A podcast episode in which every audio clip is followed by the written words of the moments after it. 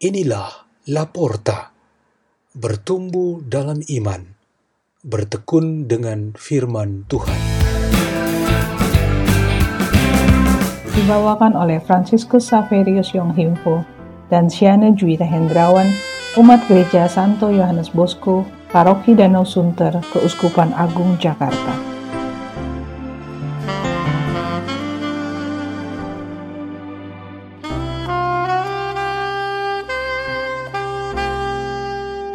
Bacaan dan Renungan Sabda Tuhan Hari Selasa Pekan Paskah ke-6 tanggal 11 Mei tahun 2021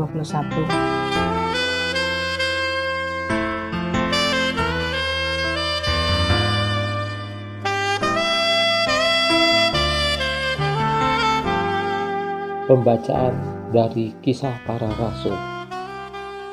Ketika Paulus dan Silas ada di kota Filipi, terjadilah yang berikut ini orang-orang Filipi bangkit menentang Paulus dan Silas. Lalu pembesar-pembesar kota itu menyuruh mengoyakkan pakaian dari tubuh mereka dan mendera mereka. Setelah berkali-kali didera, mereka dilemparkan ke dalam penjara. Kepala penjara diperintahkan untuk menjaga mereka dengan sungguh-sungguh. Sesuai dengan perintah itu, kepala penjara memasukkan mereka ke ruang penjara yang paling tengah dan membelenggu kaki mereka dalam pasungan yang kuat tapi kira-kira tengah malam, Paulus dan Silas berdoa dan menyanyikan puji-pujian kepada Allah. Dan orang hukuman lain mendengarkan mereka. Dan terjadilah gempa bumi yang hebat, sehingga sendi-sendi penjara itu goyah.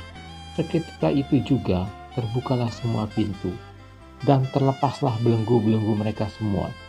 Ketika kepala penjara itu terjaga dari tidurnya, dan melihat pintu-pintu penjara terbuka, ia menghunus pedangnya, hendak membunuh diri, karena ia menyangka bahwa orang-orang hukuman itu telah melarikan diri. Tapi Paulus berseru dengan suara nyaring katanya, Jangan celakakan dirimu, sebab kami semuanya masih ada di sini. Kepala penjara itu menyuruh membawa suluh, lalu berlari masuk, dan dengan gemetar tersungkurlah ia di depan Paulus dan Silas ia mengantar mereka keluar sambil berkata, Tuan-tuan, apakah yang harus aku perbuat supaya aku selamat? Jawab mereka, percayalah kepada Tuhan Yesus Kristus dan engkau akan selamat, engkau dan seisi rumahmu. Lalu Paulus dan Silas memberitakan firman Tuhan kepadanya dan kepada semua orang yang ada di rumahnya. Pada jam itu juga, kepala penjara itu membawa mereka dan membasuh bilur mereka. Seketika itu juga ia dan keluarganya memberi diri dibaptis. Lalu ia membawa mereka ke rumahnya dan menghidangkan makanan kepada mereka. Dan ia sangat bergembira bahwa ia dan seisi rumahnya telah menjadi percaya kepada Allah. Demikianlah sabda Tuhan.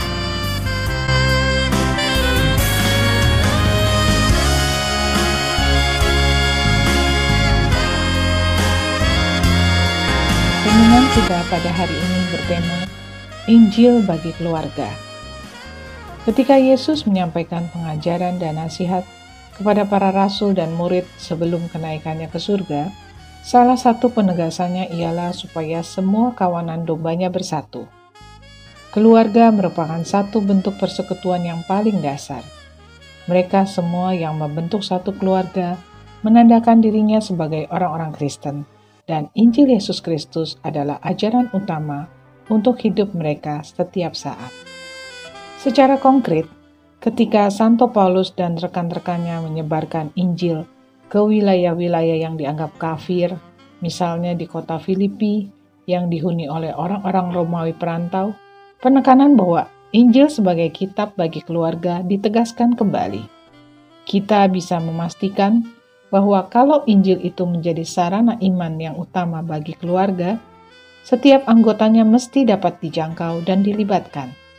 Sebaliknya, belum tentu seluruh keluarga mendapatkan siraman kekuatan Injil ketika hanya seorang atau beberapa anggotanya yang dipenuhi kuasa Injil. Kejadian terbebasnya Paulus dan Silas dari belenggu penjara secara ajaib, lalu kepala penjara yang bertobat yang disusul dengan seluruh keluarganya dibaptis dalam nama Yesus Kristus adalah suatu peristiwa yang menggambarkan kuasa Injil bagi segenap keluarga. Inspirasi peristiwa ini perlu mencapai diri kita masing-masing pada saat ini untuk dapat termotivasi terkait dengan kuasa Injil bagi keluarga dan komunitas tempat kita berada. Injil bagi keluarga-keluarga merupakan sebuah tantangan pembelajaran dan evangelisasi pada saat ini. Keluarga yang berdevosi dan terlibat secara aktif dalam sakramen-sakramen gereja tetap sebagai aspek yang begitu penting bagi para pengikut Kristus. Tetapi, aspek ini belum cukup untuk menjadikan keluarga-keluarga kita menjadi penganut Kristen sejati. Untuk ikut membantu terwujudnya hidup Kristen yang sejati, salah satu bagian pertumbuhan iman yang penting diupayakan ialah penginjilan keluarga-keluarga dan komunitas-komunitas kita. Konkretnya, keluarga dan komunitas perlu memberikan satu prioritas hidup rohaninya pada sabda Tuhan. Kegiatan nyata yang dapat secara rutin dilakukan di dalam keluarga atau komunitas kita ialah pembacaan dan pembelajaran kitab suci yang dilakukan secara bersama-sama. Kita tidak usah berandai-andai nanti jadinya seperti apa pembacaan dan pembelajaran kitab suci itu. Tuhan Yesus menjamin untuk memberikan jalannya kepada kita. Jaminan itu ialah Roh Kudus, Roh Penghibur yang akan menerangi dan menginsafkan kita Roh Kudus selalu ada dan bersedia, tinggal saja keluarga dan komunitas kita menetapkan bersama niatnya dan mewujudkannya.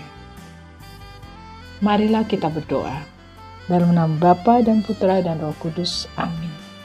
Ya Allah Maha Kuasa, kuatkanlah kami dalam mewujudkan Injil bagi keluarga dan komunitas kami. Bapa kami yang ada di surga, dimuliakanlah namamu, datanglah kerajaanmu, Jadilah kehendakmu di atas bumi seperti dalam surga. Berilah kami rezeki pada hari ini, dan ampunilah kesalahan kami, seperti kami pun mengampuni yang bersalah kepada kami. Dan janganlah masukkan kami ke dalam pencobaan, tetapi bebaskanlah kami dari yang jahat. Amin. Dalam nama Bapa dan Putra dan Roh Kudus. Amin. La porta, la porta, la porta.